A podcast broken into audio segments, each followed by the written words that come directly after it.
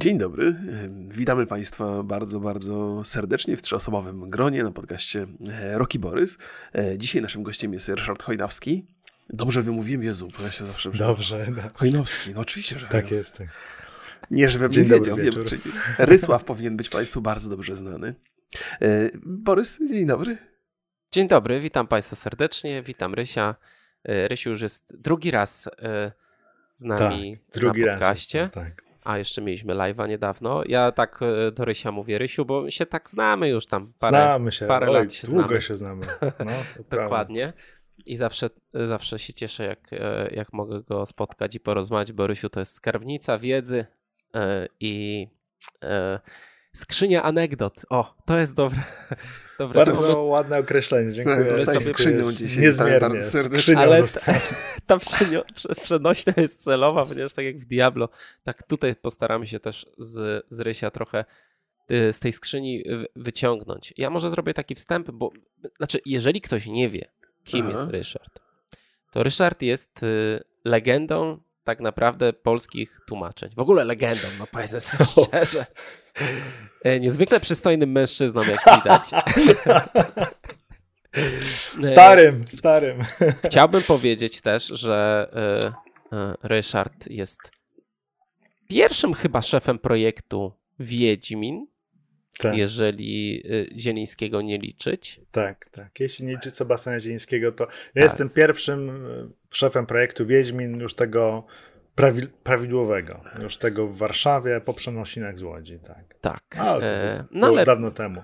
Ale potem po różnych pertu, pertru, pertubara, perturbacjach, tak, jakby tak. zająłeś się na poważnie tłumaczeniami i tłumaczyłeś. Przede wszystkim znany jesteś e, z tłumaczeń Blizzarda, mhm. dlatego też tutaj rozmawiamy, ale też masz swój kanał na, na YouTubie. E, zareklamuj. E, Także ja może najpierw się przywitam ze wszystkimi. Jest mi bardzo miło tutaj gościć u Was, panowie, oraz witam e, szeroko zebraną publiczność, wszystkich widzów i widzki. I cóż, e, mój kanał nazywa się Ryslaw e, i mam od, nie wiem, od 6 lat prowadzę podcast audycję radiową Grysław, która ukazuje się w Radio Rock Service FM oraz właśnie także na Spotify, na iTunes i dzięki między innymi namowom Borysa jakiś czas temu postanowiłem też na YouTubie nadawać. I to był bardzo, bardzo dobry pomysł. Dziękuję Borysie ależ, za sugestię, bo powiększyła się zdecydowanie liczba odbiorców. Kanał powolutku sobie rośnie, ale, ale, ale rośnie. I dawniej prowadziłem taką audycję angielski dla gracza, ona teraz jest w stanie takiego lekkiego zawieszenia ale jest regularny Grysław, jest, są tygodniki wirtualne, bo jestem wielkim zwolennikiem, pasjonatem technologii wirtualnej rzeczywistości. No i czasami pojawiają się, ostatnio coraz częściej, dzięki temu, że już w końcu łącza internetowe porządne, pojawiają się rozmaite transmisje i miałem przyjemność wielką uczestniczyć wraz z wami y, parę dni temu y, y, w transmisji z premiery Diablo drugiego wskrzeszonego wskrzeszonego. No właśnie, tak 20. Ja może zrobię wstęp, bo.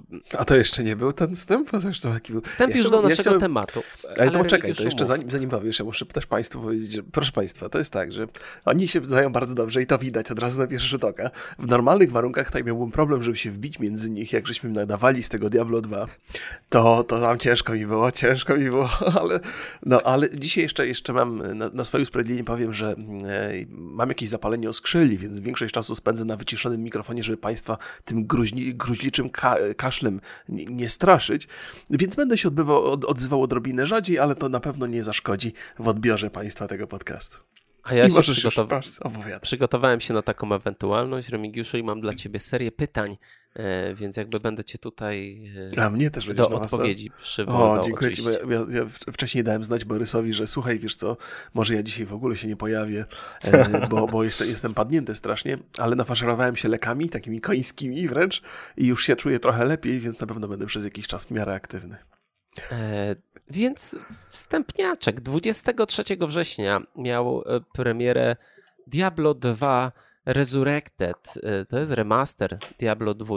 Diablo 2 już ma 21 lat ponad. ponad. Ta premiera była bardzo długo wyczekiwana, zrealizowana przez Vicarious Vision. To studio z bardzo dużym e, bagażem doświadczeń, a ostatnio przede wszystkim znani są ze świetnych remasterów, przede wszystkim Tony Hawk Pro Skater 1 plus 2 czy remaster trylogii Crasha. E, sama mm, premiera odbyła się no, przede wszystkim z problemami technicznymi w tle, ale również ze skandalami z mm, Blizzarda. Dokładnie, mm, no, jeżeli chodzi o e, molestowanie, o oskarżenia o molestowanie, o mobbing oraz o ich e, takie bardzo aktywne przymilanie się do chińskich władz. Diablo 2 to przypomnę, że to jest jedna z najważniejszych gier w historii elektronicznej e, rozrywki. Gra miała ogromny wpływ na rynek, jak i na graczy. I właśnie dzisiaj porozmawiamy sobie, czy jej magia dalej istnieje. Każdy z nas pograł sobie już e, w, w, no, w tą, tą wersję zremasterowaną. I panowie, jak wrażenia? Kto z nas pierwszy? Kogo muszę, muszę, wska- muszę wska- No dobrze, no to niech gość będzie. E, tak jest, też jestem za tym. Dobrze, to ja jestem dość nieobiektywny, no bo 21 lat temu pracowałem nad Diabłem i teraz też coś tam w Resurrected robiłem, więc no ja mogę powiedzieć, że jestem zachwycony. Te obrazki pierwsze widziałem już jakiś czas temu. Powiedzmy, że były byłem wtajemniczony trochę wcześniej niż większość ludzi i widziałem, jak to wygląda, i byłem absolutnie urzeczony tym, jak ta gra jest e, odnowiona i jak wspaniałą farbę położono, jak nowy szkielet w zasadzie nastawiono na dawne, schorowane już ciało, które wyglądało powiedzmy średnio pod względem wizualnym. Mechanicznie to gra dalej się broniła, ale no, wizualnie to Diablo 2 już kiedy wyszło, nie było najlepsze, powiedzmy sobie szczerze. To była rozdzielczość niska 640 na 480, później 800 na 600 i w roku 2000, kiedy się pojawiło, to już gry miały 1024 na 768 średnio i no, dużo gier wyglądało znacznie lepiej niż Diablo. Ale Diablo się broniło świetną mechaniką, świetną grywalnością i, i przez, te, przez te wszystkie lata, przez te 20 lat, mimo premiery Diablo trójki, cały czas e, istniała rzesza graczy, takich wyznawców, wręcz można powiedzieć, dwójki, i oni na pewno w znacznej mierze się ucieszą z premiery tej wskrzeszonej wersji. I ja także się ucieszyłem, mimo że w Diablo 2 jak grywałem, o ile przez pierwsze lata, 2-3 po premierze grałem dużo, później tak okazjonalnie. Czasami sobie raz na rok odpalałem Diablo, żeby przejść po prostu ale z każdym rokiem powrót był trudniejszy z powodów no, głównie estetycznych. Gra nie, nie, nie zestarzała się ładnie, moim zdaniem, jeśli chodzi o wizualia. Mu muzycznie oczywiście nadal fantastycznie, ale, ale wizualnie średnio. A teraz otrzymaliśmy wersję, która wygląda tak, jak upiększają ją nasze wspomnienia. I to jest niesamowite moim zdaniem osiągnięcie, bo, bo często jest tak, że sięgamy w przeszłość do gier z młodości. Ja sięgam na przykład do początku lat 80. do gier z młodości i, i sobie wyobrażam jakąś grę. Przy, przypominam, później odpalam ją na, na ZX Spectrum, bo mam cały czas te wszystkie sprzęty ZX Spectrum, Commodore. I mm, no nie, moja wyobraźnia nadbudowała bardzo dużo. A tutaj jest tak, że w przypadku Diablo 2 wskrzeszonego nie wiem, mam wrażenie, że panowie z Vicarious Visions sięgnęli do takiego zbiorczego umysłu graczy, wyciągnęli te wyobrażenia, przetrawili je i, i przedstawili e, w grze i ta gra wygląda tak, jak my ją pamiętamy, znacznie lepiej niż w rzeczywistości. Wygląda przepięknie. Możemy robić e, zbliżenia też na cudownie wyrenderowany świat e, i, i, i to to, jak ta gra się prezentuje, ja troszkę się boję, że może być zagrożeniem, jeśli chodzi o prawę graficzną i w ogóle o to, jak, jaki odniesie, mam nadzieję, sukces i jak wpłynie na, na graczy Diablowa, w Diablo, że Diablo 4 może nagle okazać się nie być tak wyczekiwanym tytułem. O, tak bym powiedział. I to może być też dobra wydaje mi się, że to może być do, dobry prognostyk akurat tych trudnych czasach Blizzarda, że gracze nie będą tak cisnęli na premierę Diablo 4, oni będą mogli sobie spokojnie pracować, bo mamy świetne Diablo 2 tutaj. Pewnie niedługo nam wyjdzie Immortal, który jest z tego co widziałem, naprawdę jest bardzo dobry, zaskakująco dobry jest.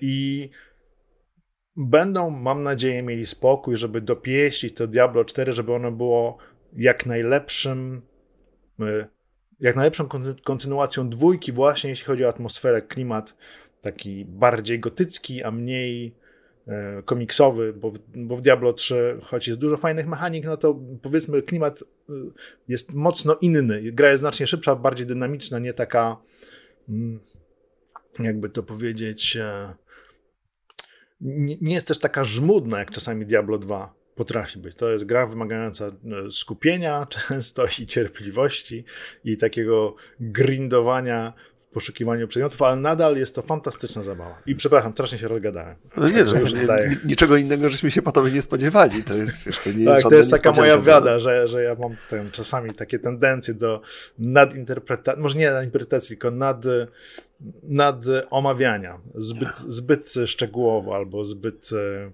długo. O. No, ale powiem ci, że odważny statement, jeżeli chodzi o to Diablo 4, ale ja bym tutaj chciał wysłuchać wrażeń Remigiusza. Ja wiesz co, tak, tak, się, tak się złożyło, że Rysław w, zasadzie w słowach zawarł to, co ja myślałem. Jedna z najważniejszych rzeczy to faktycznie ta gra wygląda tak, jak moja wyobraźnia mi podpowiada. I wyraźnie wskazuje to na to, że, że wspomnienia są z reguły znacznie lepsze od rzeczywistości. E, no tam jest ta opcja przełączenia sobie na, na, na, ten, na ten stary widok i jest on zatrważający zdecydowanie. Pamiętam, że kiedy sięgałem po Diablo 2 pierwszy raz, to miałem wrażenie, że ta grafika jest gorsza od Diablo 1 i ona faktycznie była przestarzała już wtedy, ale to w, w niczym zupełnie nie przeszkadzało. I faktycznie e, gra też jest dużo bardziej mozolna niż trójka, ale przez to jest przyjemniejsza. To, to, to poczucie, że, że ten, ten progres, który następuje w rozwoju postaci, e, kiedy, kiedy czujesz, że, on, że ten twój na przykład paladyn, bo paladynem gra, gram teraz, jest, jest coraz silniejszy, to masz dużo większą satysfakcję z tego powodu. To jest coś, co, co umknęło gdzieś tam e, w Diablo 3. Jest dużo fajnych mechanik, które, które zostały zmienione, rozwinięte, uproszczone, bo zdecydowanie jest tak, że mimo tej ogromnej dowolności, jaką Diablo 2 dawało w kreowaniu postaci, to bardzo często gdzieś na końcu mieliśmy do czynienia z jednym konkretnym buildem i ludzie go kopiowali wielokrotnie, bo było wiadomo, właściwie może nie jest jednym konkretnym, ale było kilka możliwości tylko i wszyscy się kierowali w tamtą stronę. Diablo 3 to uprościł, oferując nam możliwość zmiany, przekładania tych skilli. Teoretycznie to było fajne, ale ludzie od samego początku nie byli do końca zadowoleni. Dwójka ma w sobie coś takiego magicznego i to nie tylko wynika z sentymentu i wspomnień, ale też z tej takiej mozolności, ciężkiej pracy, która potem się spotyka z nagrodą. I jedyna rzecz, która, która mi doskwiera przy tej nowej części, to to, że przeszukując po raz kolejny podziemia w Diablo 2, zastanawiam się, Jezu, ja spędziłem w tej grze setki godzin, te 20 lat temu, czy ja tu już mogę, czy mogę coś odkryć nowego, czego już wcześniej nie widziałem. I mimo tego, że to wygląda dużo lepiej, to, to mam takie poczucie, że yy, że, że nie, nie, dam rady spędzić tam tyle czasu co za pierwszym razem, bo już wszystko wiem, wszystko już zbadałem. Liczę na to, że będą się pojawiały nowe rzeczy. Wbrew wszystkiemu, wbrew temu fanatyzmowi wiernych, wiernych fanów, którzy bardzo się bronią przed zmianami, to mam nadzieję, że to się będzie rozwijać, że będą się pojawiały jakieś sezony. Więc mocno, mocno kibicuję. Trzymam kciuki, podoba mi się to bardzo, co do tej pory zobaczyłem. Tak, ja powiem, że e, grałem jeszcze wcześniej w betę i to jest bardzo duży plus. Bardzo mi się podoba to, jak. E, twórcy dają stestować jakąś grę graczom. To jest bardzo prokonsumenckie zachowanie i cieszę się, że tak było. W szczególności, że e, jak e, sprawdzałem sobie mm, gameplaye z, z, z remastera, to, to część graczy miała problem z wydajnością. Czy nie chodziło im tam tak płynnie, płynniej też to za, zauważali.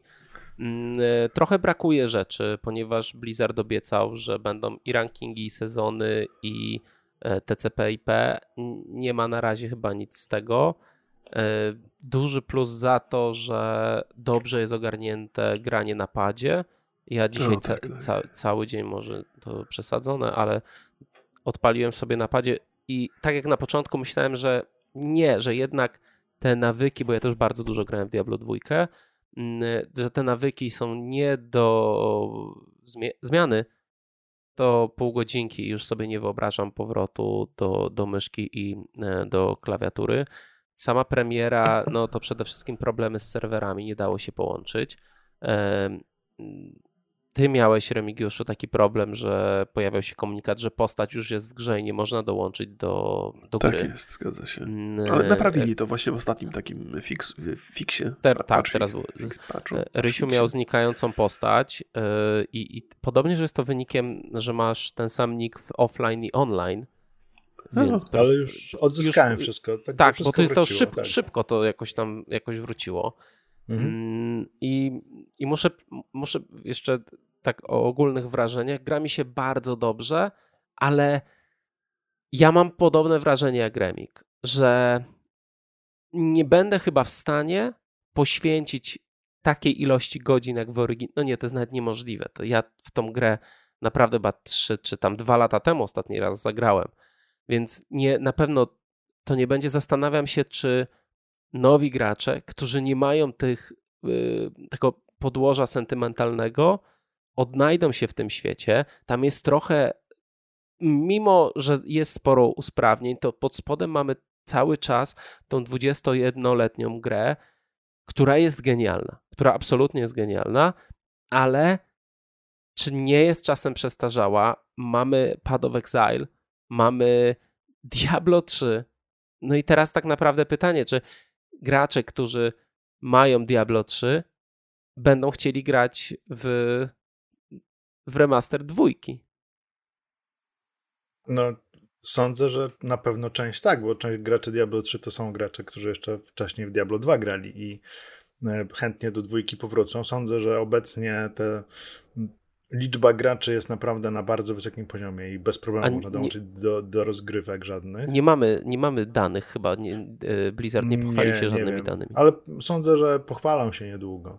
Pochwalą się niedługo. Natomiast e, Diablo 3 to jednak zupełnie inna gra. To jest gra znacznie bardziej dynamiczna i pozwalająca jednak na e, większą, jak sądzę, mm, większe urozmaicenie, jeśli chodzi o, o tworzenie tych mm, konfiguracji postaci. E, bo jest po prostu więcej wszystkiego, jest więcej przedmiotów, jest więcej klas, jest więcej umiejętności. E, pamiętajmy, że tutaj możemy mieć jedną umiejętność cały czas e, aktywną, oprócz, oprócz walki. A w Diablo to mamy pasywne umiejętności, mamy umiejętności aktywne, jest tego więcej, więcej synergii i no to jest po prostu inna gra. To jest po prostu inna gra. Diablo drugie niesie z sobą jednak ten powiew przeszłości.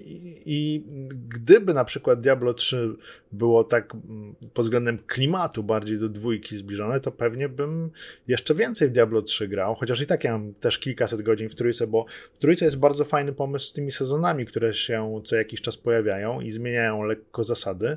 I można rozpocząć grę od początku y, i, i tam ta, ten, ten endgame, ta, ta dodatkowa zawartość po dojściu do 70 poziomu to jest E, samo clue e, rozgrywki i to, i to jest e, na, największa zabawa przebijanie się przez kolejne poziomy szczelin. Tego w dwójce tak naprawdę gracze sami sobie organizują czas. Ale mam nadzieję, że ekipa pod, pod wodzą Roda Fergusona, który pamiętajmy przedtem był odpowiedzialny za serię Gears of War i jakiś czas temu przeszedł do Blizzarda i opiekuje się e, cało, całością Diablo. E, ja mam wrażenie, że mają całkiem konkretne plany.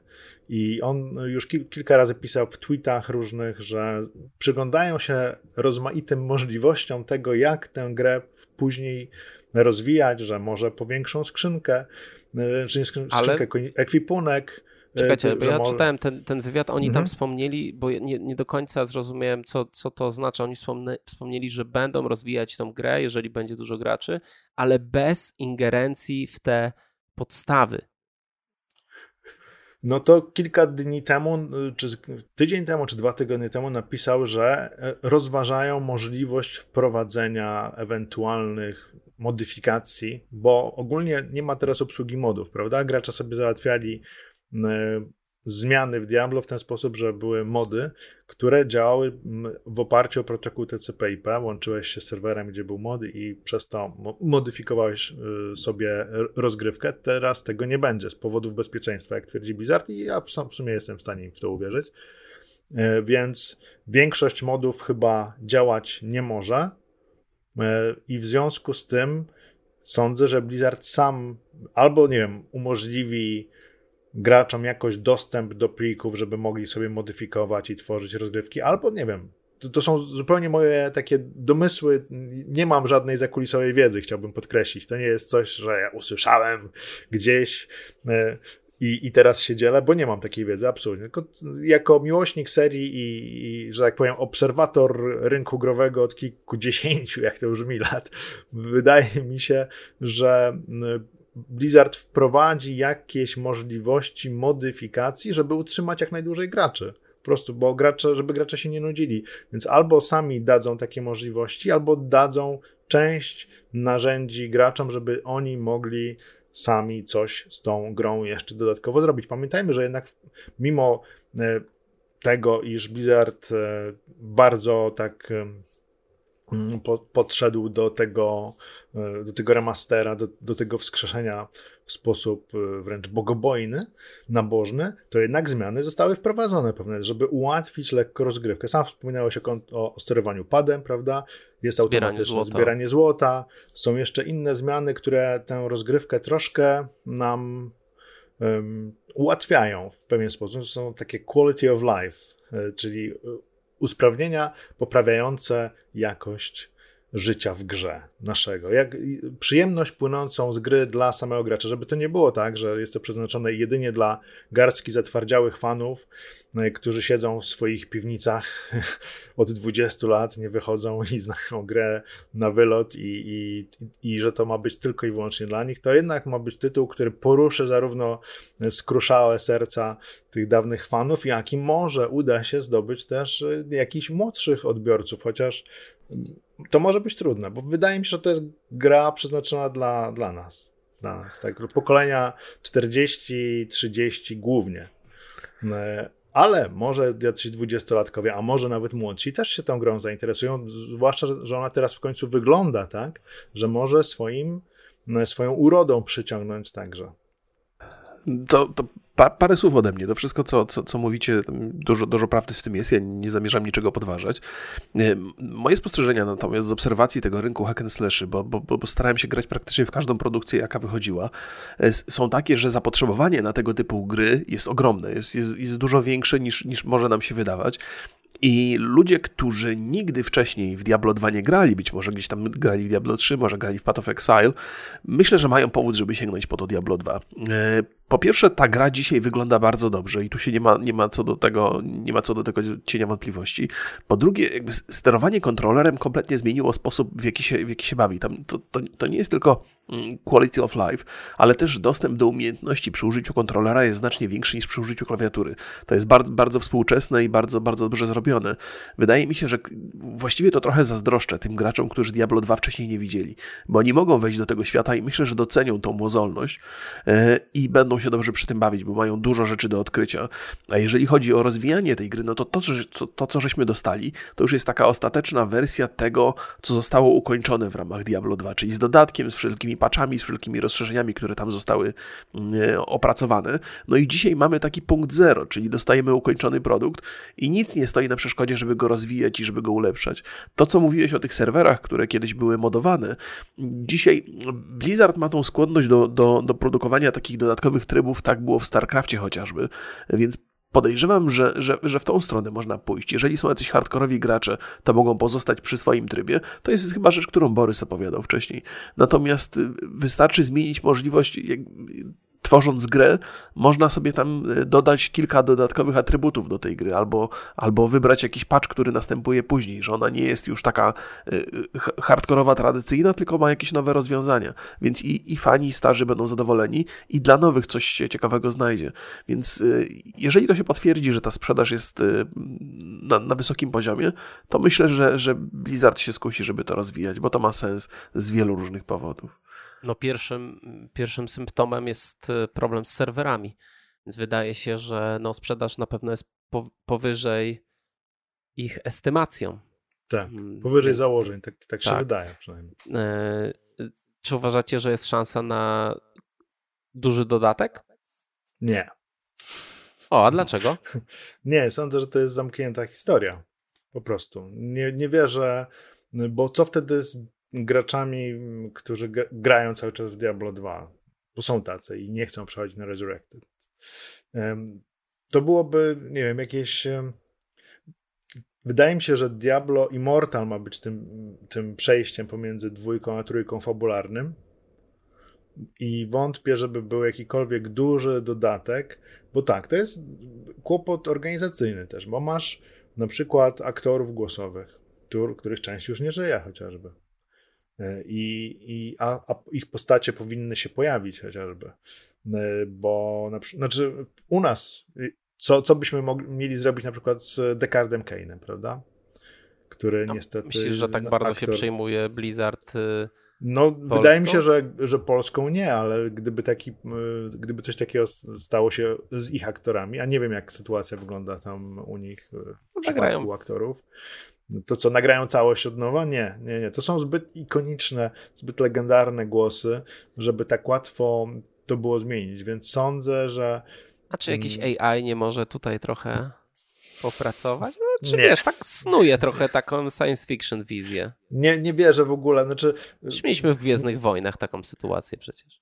Nie mogę powiedzieć, że, że na 100% nie będzie, ale takiego dużego dodatku, ale dałbym temu tak, y, nie wiem, promil procenta może, że prawdopodobieństwo, że będzie duży dodatek. Natomiast wierzę, że pojawią się, tak jak y, mówił Rok, że będą jakieś dodatkowe modyfikacje, jakieś flagi, które dajesz przy grach, żeby, żeby zmienić to, jak dana rozgrywka wygląda. Na przykład rozmawialiśmy zresztą o tym podczas transmisji, że, że powiększony ekwipunek, jeszcze jakieś elementy dodatkowe, może dodatkowe umiejętności.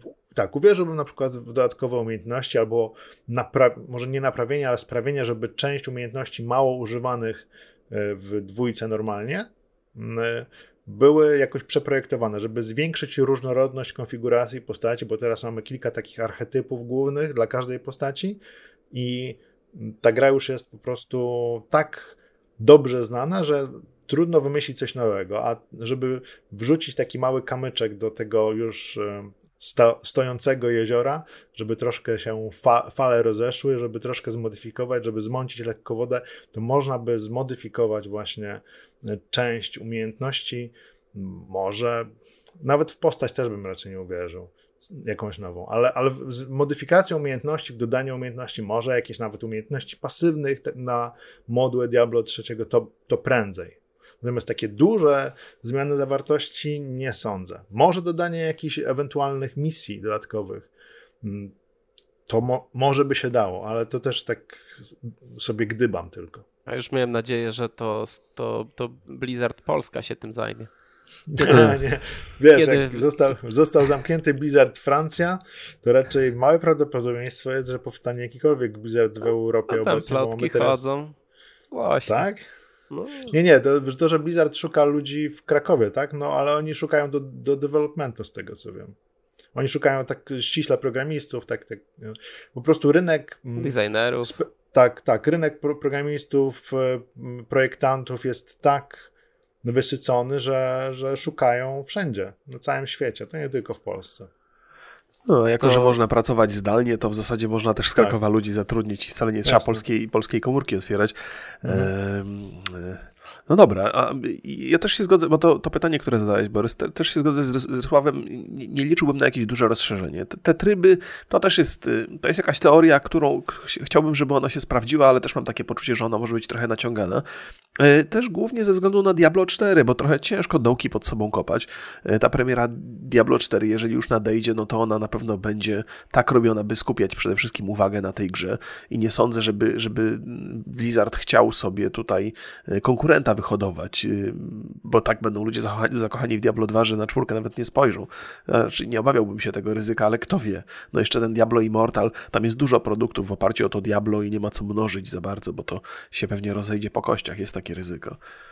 Okej, okay. no dobrze, no ale to jak już jesteśmy przy Diablo 4, to co, co myślicie, co się stanie z, z remasterem dwójki po premierze Diablo 4? Która no coraz bliżej. No nie wiadomo, kiedy nastąpi, tak? Wiemy, że no prawdopodobnie w przyszłym roku będzie Diablo Immortal, to wiemy. Ale od Diablo 4 może dowiemy się więcej na kolejnym Bliskonie, czy tam innej imprezie, która, która mam nadzieję będzie. I ja sądzę, że nic się nie stanie z Diablo 2 e, Resurrected złego. Dalej będzie rzesza graczy, która będzie dzielić swój czas pomiędzy Diablo 2 i Diablo 4, bo z tego, co grałem w Diablo 4, to gra po prostu się fantastycznie, po prostu fantastycznie. I mm, to będzie, ja mam wrażenie, że to, to będzie po trosze mocno, mocno polska gra. Tam jednak jest e, ekipa, jest kilka osób, które pracowało przy Wiedźminie trzecim, prawda? Więc Sebastian, tak? On... Jest Sebastian, jest, jest Grześ Sadziński i kto, ktoś jeszcze chyba jest. I oni, oni tam projektują e, misje i ogólnie to, jak, ta, jak, jak, bardzo wciągająca ma być ta gra, żeby nie, nie było to tylko chodzimy rachu ciachu, hack and slash tylko, tylko żeby tam była jeszcze jakaś ciekawa opowieść, e, która... Wciągnie gracza. Bo wydaje mi się, że Diablo 3 tutaj niestety troszkę zmarnował potencjał. Miał ogromny potencjał, do, troszkę to zostało poprawione w dodatku, ale dla mnie największym problemem, jeśli chodzi o Diablo, o całą serię, jest to, że to jest e, gra albo, albo seria, szczególnie w trójce, zbyt łatwo, ułatw, e, zbyt łatwo ujawniająca tajemnicę świata. Bo graczy pociąga tajemnica, pociągają sekrety, pociąga odkrywanie czegoś, czego nikt nie odkrył, co niedopowiedzenie. A w świecie Diablo wiemy po prostu wszystko. I szczególnie trójka zrobiła bardzo dużo w tym względzie, żeby wszystkie sekrety wojny grzechu ujawnić i wszelkie zależności pomiędzy aniołami i demonami nam przedstawić jak na tacy, bez w zasadzie żadnych wątpliwości, co moim zdaniem jest błędem. Ja bym chciał, żeby to był taki świat, jak był w dwójce, że w dwójce nie za bardzo wiedzieliśmy. Jak byliśmy w Kuras, to tam jakieś, jakaś dziwna dżungla, jacyś dziwni wyznawcy, tam, ale tam na poły azteccy tam też ciekawa rzecz, że my chyba nawet zaczynamy ten kuras bez questu. Tak, tam idziemy i dopiero tak. znajdujemy, tak. Tak, tak, tak. E, ale to bardzo szybko znajdujemy. Ale, ale chodzi o to, że właśnie jest e, gracz nie wie, że musi iść do tego punktu, akurat pogadać z tą osobą yy, i musi się też wielu rzeczy domyślać. A w trójce są, są znaczniki pokazujące co, gdzie, jak. Cała, cała historia świata jest tak przedstawiona, że w zasadzie jest bardzo mało miejsca na domysły. I, i, i, i to moim zdaniem trochę szkodzi e, tej grze pod względem fabularnym, bo rozgryw, rozgrywkowo moim zdaniem jest świetnie. Ja bardzo lubię grać w Diablo 3, bardzo dobrze się bawię do tej pory, ale, ale fabularnie no tam można by to lepiej zrobić. Moim zdaniem, oczywiście. I sądzę, że w czwórce będzie powrót do takiego gęstego, mocnego klimatu z dwójki, jeszcze bardziej nawet pod, taki, będzie więcej takich, takich przypraw po trosze, po trosze, nie wiem, może, może z mitologii wręcz słowiańskiej, no bo naprawdę, napra jak grałem na Bliskonie w to demo czwórki, które było i widziałem projekty postaci, no to one były tak inspirowane na przykład paniami lasu z Wiedźmina III, że, że to zakrawało to, no na, tak, na, takie na bezczelną kopię wręcz, ale super wyglądało, naprawdę świetnie wyglądało. Ci i sami ja twórcy, chętnie, nie? Jakby. Tak. Ja bardzo chętnie w czwórkę będę grał, bo to, to, może, to może być świetna gra. Nie wiem jaka będzie, bo już dawno nie grałem w żadnego builda, bo nie wiem, z półtora roku ostatnio, ale w to, co wtedy grałem, bo bardzo mi się podobało. Bardzo. Cisza? Cisza tak? Cisza. Remigiusz? Nie, nie, nie, bo ja, ja tu nie, niewiele mogę dodać po tej opowieści Rysława. Ja, ja, tu oczekuję, ja właściwie jestem przez większość czasu na wyciszeniu, żeby nawet mojego ciężkiego oddechu tutaj nie było. E, ja chyba odpowiedziałem na twoje pytanie, jeżeli je zadałeś gdzieś tam wcześniej, bo zadałeś. A potem żeście się wdali w dyskusję i ja już to nie no chciałem to, przerywać. No to dobrze, no to słuchajcie. E, temat ciężki, temat powracający. Activision Blizzard. Afera z mobbingiem, molestowaniem, złymi warunkami pracy, wchodzenie bardzo mocno w, w rynek, tak to nazwijmy, chiński, karanie streamerów za nieprzychylne słowa, yy, karanie yy, zawodników. Mieliśmy o tym przecież podcast. Upadek WoWa. Firma, która ma same problemy i pojawia się bardzo często w internecie taka opinia, że tej sytuacji nie wypada wspierać tej firmy. Przyznam, że zakup Diablo 2 Resurrected. To ja, Remigiusz. Ja, to, tak, to ja, ja, teraz zacznę, bo ja zacznę i powiem bardzo krótko, bo też jestem niezwykle ciekaw opinii Rysława tu w tej sprawie. Jest, jest, ja często wracam do tego po, powiedzenia, jakbym totalnie na komiksach był wychowywany, ale jak to, jak, jak powiedział e, Harvey Dent do, do, do Batmana, chyba ze cztery razy już na podcastach to mówiłem, że, że albo giniesz jako bohater, albo żyjesz wystarczająco długo, żeby zostać złoczyńcą. No i tutaj te, te, te, te sygnały, które, które z Blizzarda dochodzą do nas, one są znane wszystkim i nie, nie, wygląda to dobrze. Jakie będą konsekwencje, jakieś takie długoterminowe, to zobaczymy.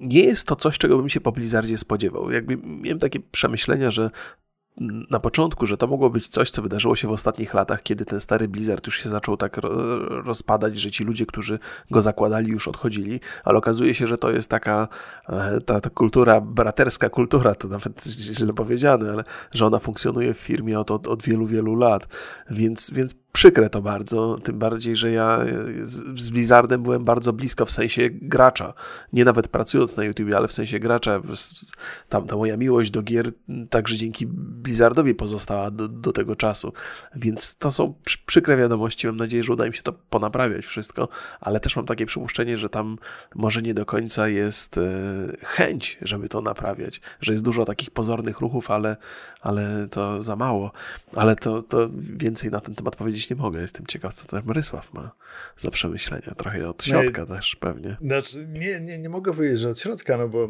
ja tak akurat nigdy pracownikiem Blizzarda nie byłem. Moja firma współpracuje z Blizzardem od lat. No, ja robię gry Blizzarda za wyjątkiem podstawki StarCrafta II od 21 lat, od czasu Diablo II. Więc, więc ta współpraca jest dosyć długa. Powinienem chyba już dostać, gdybym był pracownikiem, pewnie już miałbym ten cały rynsztunek rycerski, te miecze i tak dalej, tarcze, które dostają po mm, odpowiedniej wysłudze. Natomiast no, ja wiem tyle o tym, co się dzieje tam w Stanach, co wszyscy. I cóż mogę powiedzieć, że to jest, mam wrażenie, w dużej mierze też konsekwencja tego połączenia z Activision za, za czasów, kiedy jeszcze Blizzard należał do Vivendi, a wcześniej jeszcze do firmy Havas Interactive. To wtedy właśnie Diablo było wydane, kiedy e, Blizzard należał do Havasu, później w 2001 albo drugim no, przejęło go Vivendi, później sam się wykupił i połączył z Activision i no, no cóż mam powiedzieć, nikt chyba nie jest fanem tego, jak Activision wygląda pod względem zarządzania, oprócz akcjonariuszy, bo Activision przynosi gigantyczne dochody i pan, pan Bobby Kotick jest bardzo bogatym człowiekiem.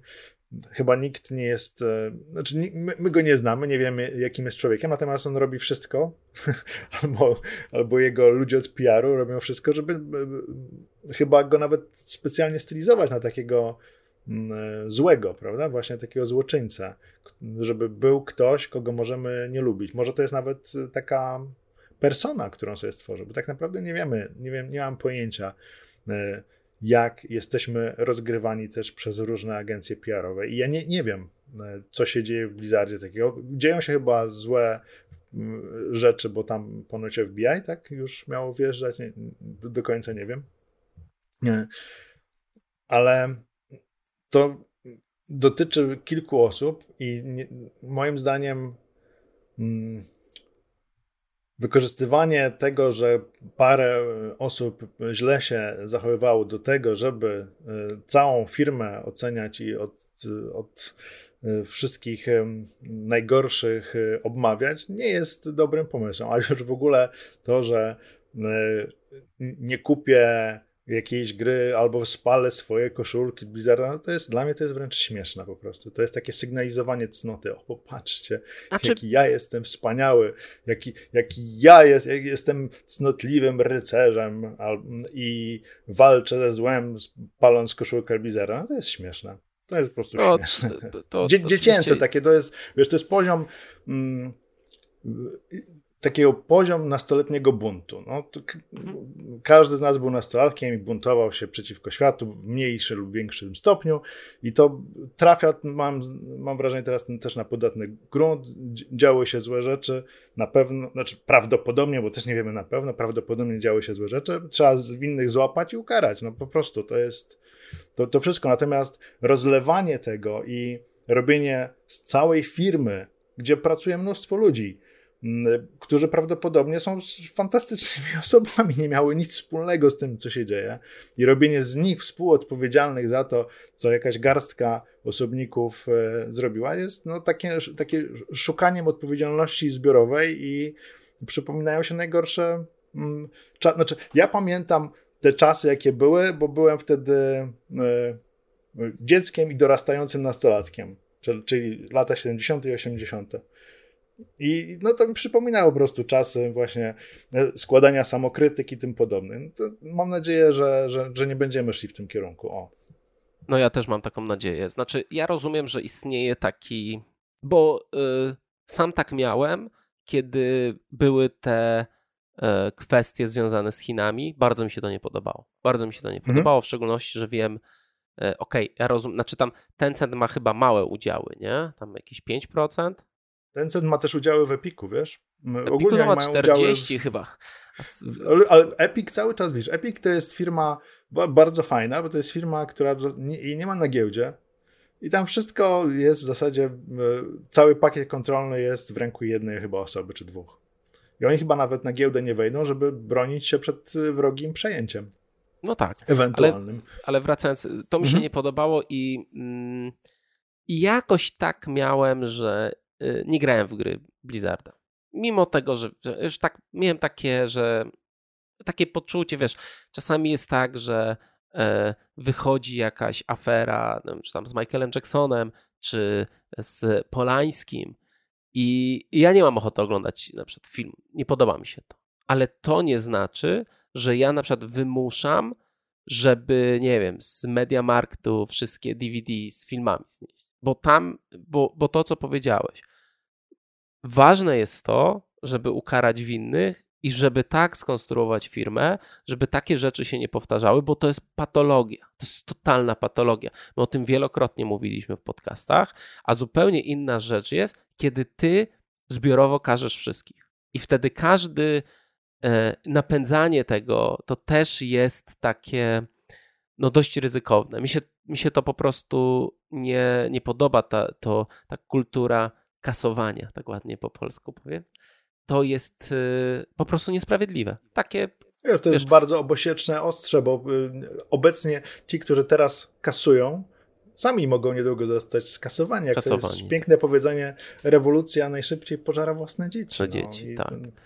I, y, i, I tak jak wiem, wiem, że dużo osób przy tych, przy kwestii chińskiej miało pretensje do Blizzarda i przeszło na przykład do Pad of Exile, ale przecież Grinding Gear Games jest chyba w 80% własnością Tencenta, z tego co kojarzę. No to to już jest, zresztą Tencent bardzo mocno, myślę, że ten rok przyszły to będzie, no pokaże się też na polskim rynku.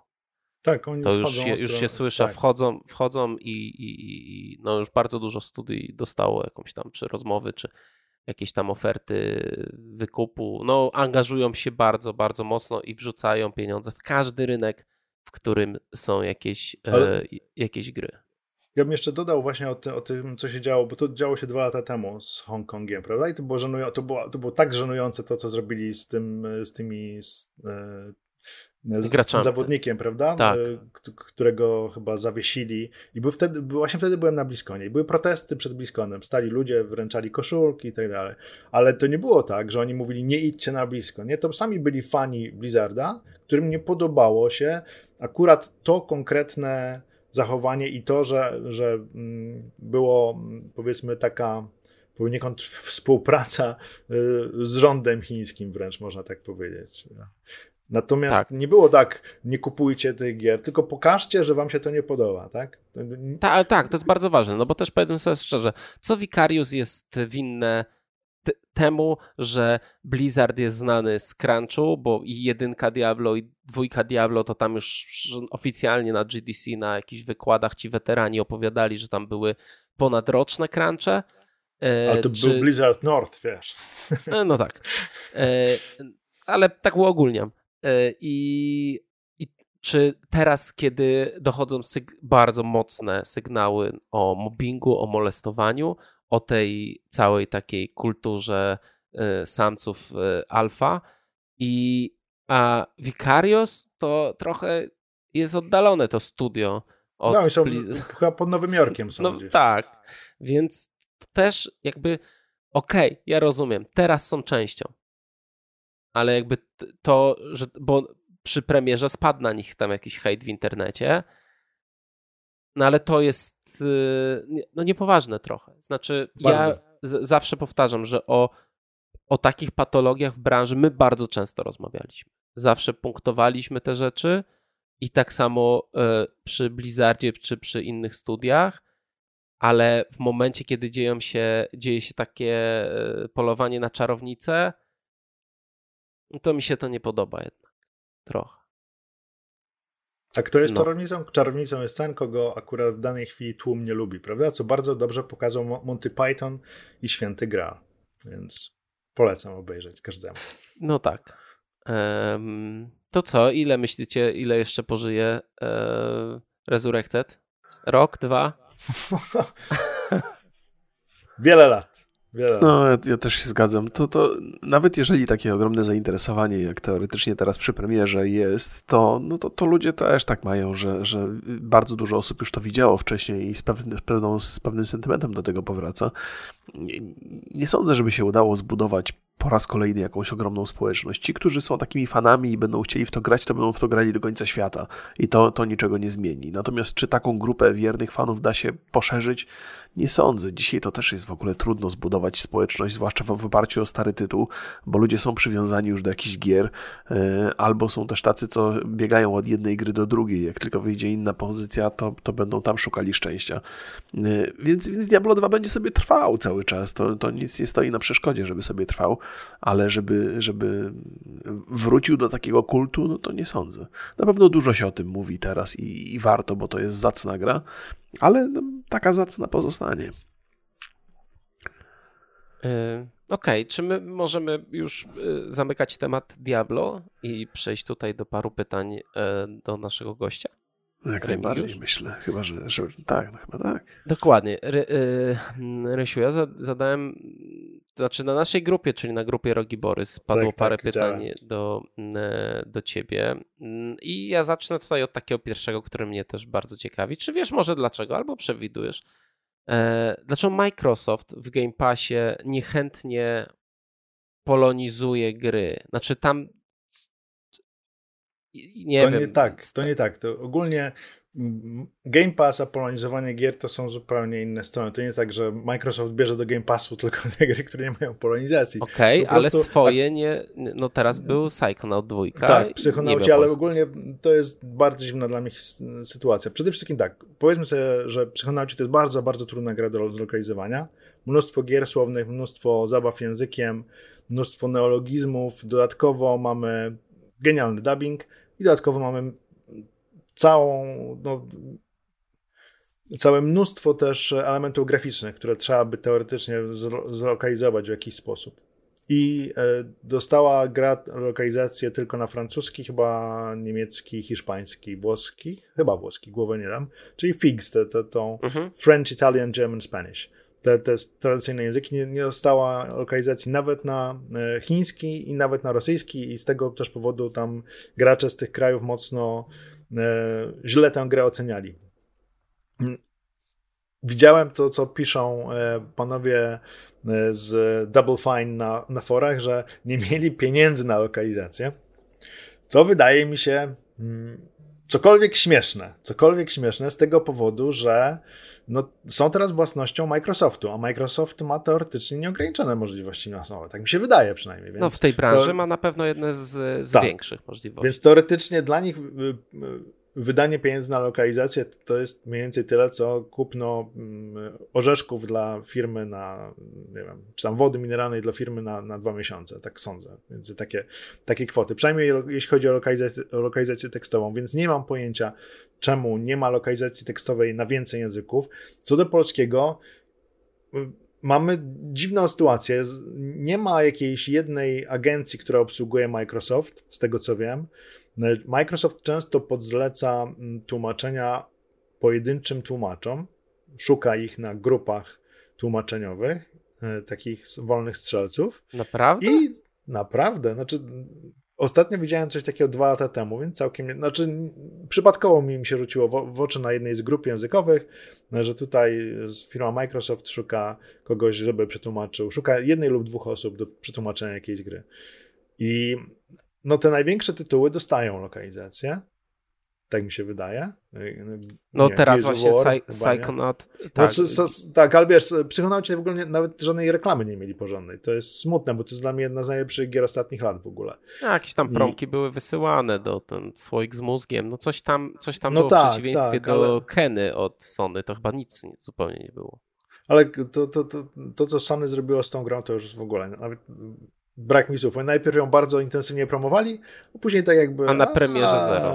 Na premierze zero, tak. I... Ale posłuchaj mnie, bo jeszcze jest jedna rzecz. Mhm. E, Microsoft po zakupie Bethesdy dodał te starsze gry, e, czyli Obliviona na przykład, czy Fallouta e, trójkę i te gry wychodziły w, pols w polskiej lokalizacji na premierę. Ja wiem, ja samej tłumaczyłem.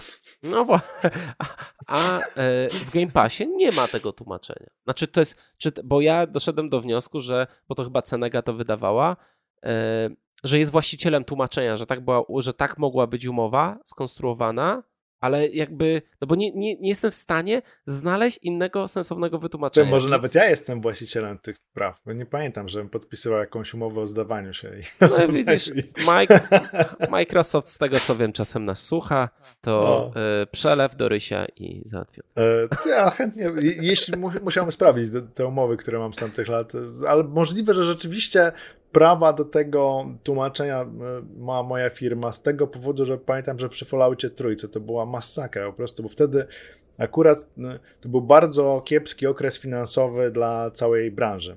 Także wówczas dla Cenegi.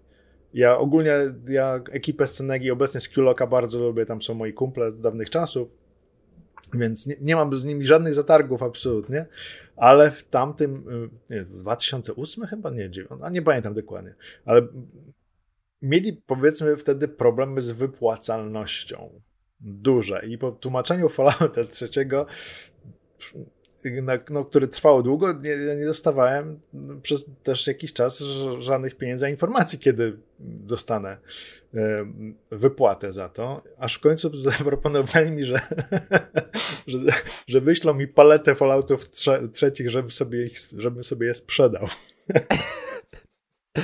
E, no i jak się skończyło? No skończyło się, że, że napisałem, że chyba sobie żarty robią, że ja ich lubię, no ale no, panowie, ja tutaj muszę zaciągać kredyty, żeby żyć, żeby ludzi spłacić, nie róbcie sobie jaj, no i chcecie, żeby, tak żebyśmy jeszcze współpracowali.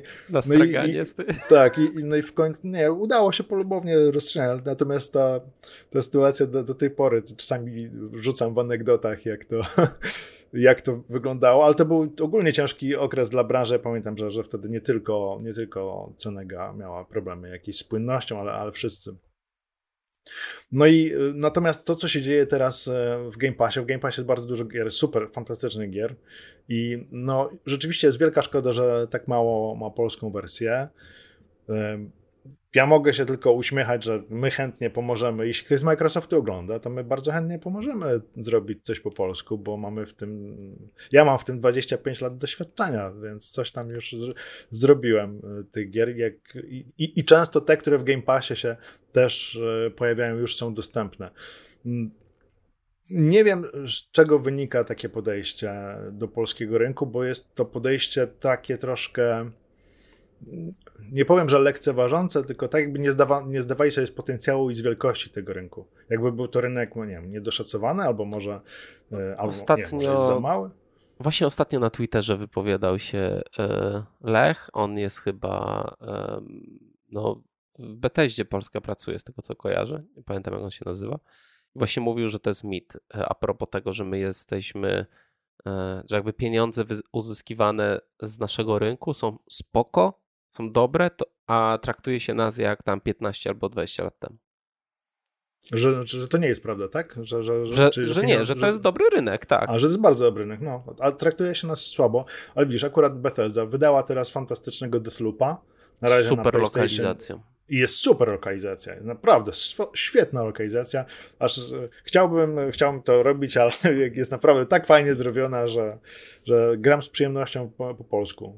I w każdej recenzji to się pojawia, tak. że wszyscy chwalą, że, że wszyscy są Doskonale bardzo, dobrane bardzo... głosy, fajnie przetłumaczone, naturalnie to brzmi, nie zauważasz, że jest to lokalizacja, to jest, naj, to jest najważniejsze, więc naprawdę Deathloop super. Kiedy wyjdzie w Game Passie, za rok pewnie, to pe mam nadzieję, że ta wersja będzie po polsku. To Sony jest właścicielem, nie? Nie, właśnie jakby się, nie no, bo na, bo na PC też jest po polsku, no więc, tak, no tak. Mam, więc y, raczej właścicielem jest, jest Bethesda. Trudno mi z, pojąć, czemu te gry nie są tłumaczone, bo tłumaczenie zdecydowanie zwiększa zasięg y, i, i sprzedaż gry. Chyba, że rzeczywiście y, Microsoft traktując Game Pass jako usługę subskrypcji, i nie sprzedając tych gier de facto, może uznaje, że, że nie warto wrzucać pieniędzy w lokalizację poszczególnych tytułów na większą liczbę języków, bo i tak oni dostarczają cały pakiet gier i każdy sobie coś tam znajdzie i niekoniecznie, niekoniecznie opłaca im się robić tłumaczenia, lokalizacje dla pojedynczych tytułów. Nie wiem, naprawdę dziwna sytuacja. My jesteśmy dużym rynkiem, fakt, że znajomość angielskiego jest coraz lepsza, ja widzę po, po młodym pokoleniu, widzę po moich synach, jak oni swobodnie się angielskim e, posługują i po ich kolegach także, że, że, że jest naprawdę coraz lepiej. No ale mm, jesteśmy też no, prawie 40-milionowym krajem, w którym zawsze lokalizacje od, od początku w zasadzie istnienia rynku były. I, i Zawsze też, kiedy produkt jest przetłumaczony, zlokalizowany, sprzedaje się znacznie, znacznie lepiej niż dostępny tylko w wersji angielskiej. Więc, no nie wiem, no, chciałbym bardzo, żeby tych gier było w Game Passie więcej po polsku, ale jak będzie, no to, to już ma, od Microsoftu zależy. Remigiusz, ty coś chciałeś dodać? Nie, nie, to, to ukryty kaszel. Nie, nie, nie, A, przepraszam. To ja tutaj od razu y, y, kolejny punkcik y, daję czy argument y, to naucz się angielskiego jest sensowny? Nie. Ja Dlaczego? znam w miarę nie, język angielski, całkiem nieźle. Słyszałem. I, i, natomiast ja bardzo lubię czytać e, po, po, po, polsku książki e, przetłumaczone dobrze i grać w dobrze zlokalizowane gry. Jest dla mnie naturalne. Jestem Polakiem, dla mnie jest to mój jednak pierwszy język przebywałem swego czasu, szczególnie robiąc e, gry dla Blizzarda długo w Irlandii, wtedy od razu automatycznie w zasadzie wręcz myślałem i mówi, ca, cały dzień mówiłem tylko praktycznie po, po, po angielsku i, i wtedy to yy, wchłanianie języka było takie bardziej naturalne, ale, ale i tak wolę grać po polsku, wolę czytać po polsku, E, filmy akurat lubię oglądać e, w oryginale z napisami najczęściej, ale też jak jest dobry dubbing, szczególnie jak mamy znakomicie dubbingowane kreskówki, to, to, nie, to nie pogardzę. No cóż, wynika to z tego, że naprawdę jeśli polski jest przepięknym językiem, można mm, oddać mnóstwo odcieni, których w angielskim w żaden sposób nie przekażemy. I na odwrót też pewnych rzeczy z angielskiego nie, nie jesteśmy w stanie dokładnie przełożyć tak, jak, jak one brzmią dla oryginalnego, natywnego ucha, to, ale z drugiej strony z, polskiego na angielski także, więc wydaje mi się, że możemy wykorzystywać to piękno naszego języka y, w dobrym przekładzie i cieszyć się, cieszyć się zlokalizowaną grą, no bo czy ktoś gra, znaczy na pewno są takie osoby, ale y, większość Polaków, jak mnie mam, gra w Wiedźmina trzeciego po polsku, prawda? I, nie, i chyba nikt nie narzeka, że jest to gra po polsku. Więc to nie jest problem, że jest język polski w grach i nikt chyba nie będzie e, e, kazał graczom, a jak chcesz grać Wiedźmina, to naucz się po angielsku, bo, bo nie ma polskiej wersji. No nie, no jak e, można nauczyć się, znaczy znajomość języka jest bardzo, bardzo, bardzo przydatna w, ogólnie w życiu. Im więcej języków, tym, tym lepiej. Natomiast dla komfortowego wchłaniania i delektowania się, rozkoszowania dobrze zrobionym dziełem kultury, takim takiego wchłaniania wręcz e, nie myśląc o tym, co się dzieje, żeby nie, nie, nie tłumaczyć sobie w głowie poszczególnych fraz, tylko żeby automatycznie przyswajać to, co widzimy na ekranie albo słyszymy, to lepszy jest język ojczysty z reguły. Mało jest osób, tak mi się wydaje, które są w stanie e, z równą łatwością pomiędzy kilkoma językami e, przeskakiwać i, i myśleć i działać w, w w każdym z tych języków osobno, zawsze jest raczej ten język główny i przemawiając do, nie, do gracza w tym, w jego języku, mamy większe szanse na to, że zostaniemy zrozumieni. Ale języków trzeba się uczyć i bardzo zachęcam do tego. Ja powiem szczerze, że y, to y, Michał z naszej grupy, dobrze patrzę, Michał y, bardzo ciekawą rzecz zauważył, że e, nie każdy chce traktować dzieła kultury jako lekcję angielskiego. Znaczy, no czasami po prostu trzeba, trzeba to przeżywać. Ja też, y, ja na przykład miałem, mam, cały czas mam taki problem, że ja właśnie angielskiego bardzo dużo uczyłem się na grach. Siedzieliśmy z bratem, ze słownikiem i tłumaczyliśmy sobie gry i ja mam przez to okropnie dużo złych nawyków wymowy, bo nikt mnie tej wymowy nie uczył. Już ten Tomb Raider to tam, to wiesz, to już jest mem, nie? Ale e, no jest wiele takich nazw, które ja mam tak mocno zamurowane, że ciężko mi to zrobić. No ale to jest właśnie przez to, że nikt mnie nie uczył tej wymowy, że to nie była nauka przez, nie przez właśnie podcasty, gdzie ktoś mówi, czy przez filmy, tylko przez tekst, który ja sobie sam czytałem. Mhm. No. Więc y, podsumowując, wydaje mi się, że lokalizacje są jak najbardziej przydatne, ale wiesz, najważniejsze jest, żeby był wybór żeby gracz mógł wybrać sobie, czy chce grać po angielsku, czy po polsku, czy w Suahili. No może w Suahili nie, ale czy po japońsku, prawda? Gry japońskie e, z japońskim dubbingiem i z japońskim tekstem, jak ktoś chciałby, to e, proszę bardzo. Yy, ostatnie pytanie. Yy, jakie etapy, jak wygląda w ogóle podejście yy, do tego, żeby zrealizować tłumaczenie i jak to wyglądało przy Diablo E, dwa. Ile mamy? Dwie godzinki jeszcze mamy, tak? Spokojnie. To... Bo to jest, to jest pytanie na wykład w zasadzie. Ja mam wykłady o, o tym. Masz taki wykład?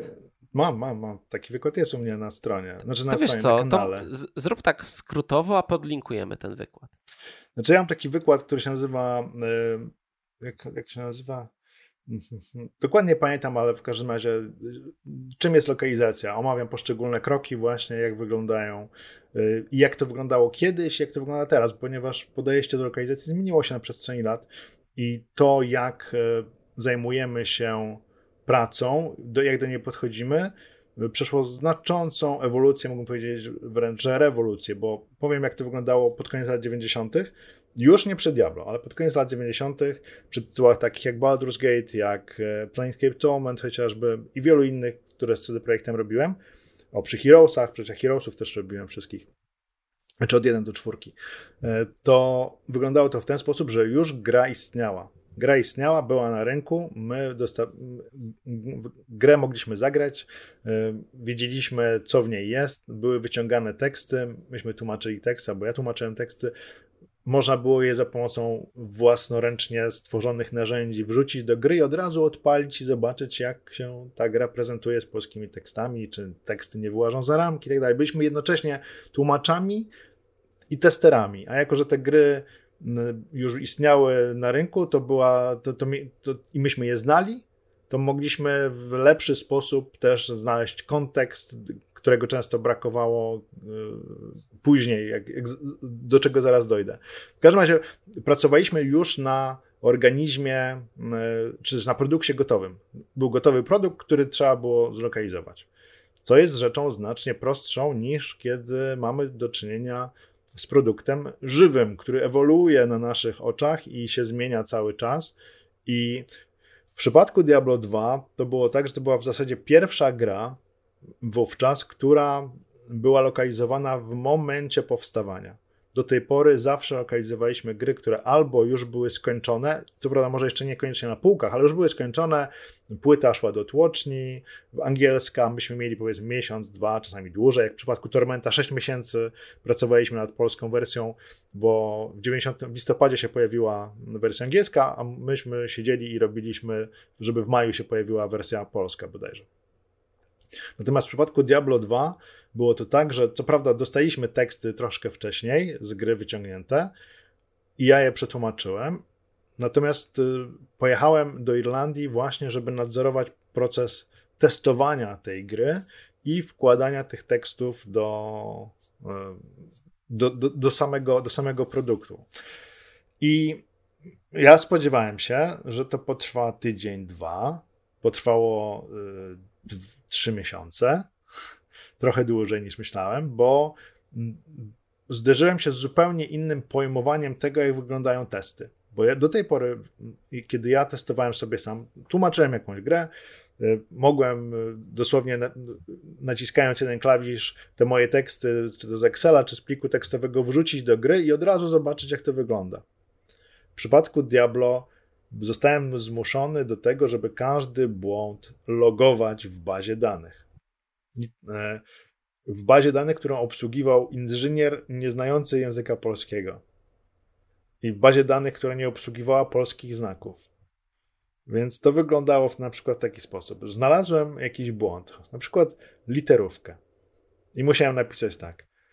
Wszystkie kroki pozwalające na dojście do tego błędu. Na przykład włączasz grę. Musiałem, to zawsze musiałem. Włączasz grę, yy, tworzysz postać, przechodzisz do tego i tego miejsca, klikasz tu i tu, pojawia się tekst, szukasz, te, szukasz tego tekstu, tu i tu jest literówka, y, rozwiązanie, naprawić i podawałem tutaj, jak powinna wyglądać właściwa wersja. Na samo spisywanie tych, tych błędów zajmowało mi więcej czasu, niż gdybym po prostu wziął te teksty, poprawił te błędy, wrzucił i, i mogłem to zrobić pewnie no, takich błędów pod... poprawić byłeś kilkadziesiąt pod system, tak. gdzie pewnie tak. pracowało tam, nie wiem, 40 innych testerów, którzy po prostu test, to był, rozumiem, że to był taki system do, do tak, to był taki dla system testerów, tak.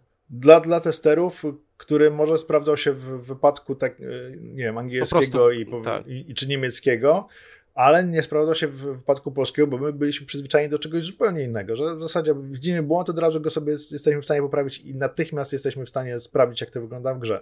Tutaj nie byliśmy tego w stanie zrobić, jak to wygląda, natychmiast sprawdzić, jak to wygląda w grze, bo e, dostawaliśmy buildy co drugi dzień bodajże, wysyłało się pliki do Stanów, e, w Stanach były one wypalane i były siecią przesyłane do nas, ale to, to, wiecie, to był rok 2000, więc czasami się te cztery płyty nie przesłały przez, przez noc.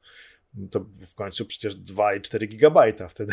To, to w roku 2000 to była spora ilość danych. Rano trzeba było poczekać, aż te płyty w poszczególnych wersjach zostaną wypalone. Bo przecież pamiętajmy, że to nie było tak, że my, my mieliśmy jakieś tam pliki, y, komputery zsieciowane i były buildy wysyłane na każdy komputer. No nie, to wyglądało w taki sposób, że praktycznie każdego ranka dostawaliśmy wypalone zestawy płyt, odinstalowaliśmy poprzednią wersję i na nowo instalowaliśmy tą świeżo wypaloną.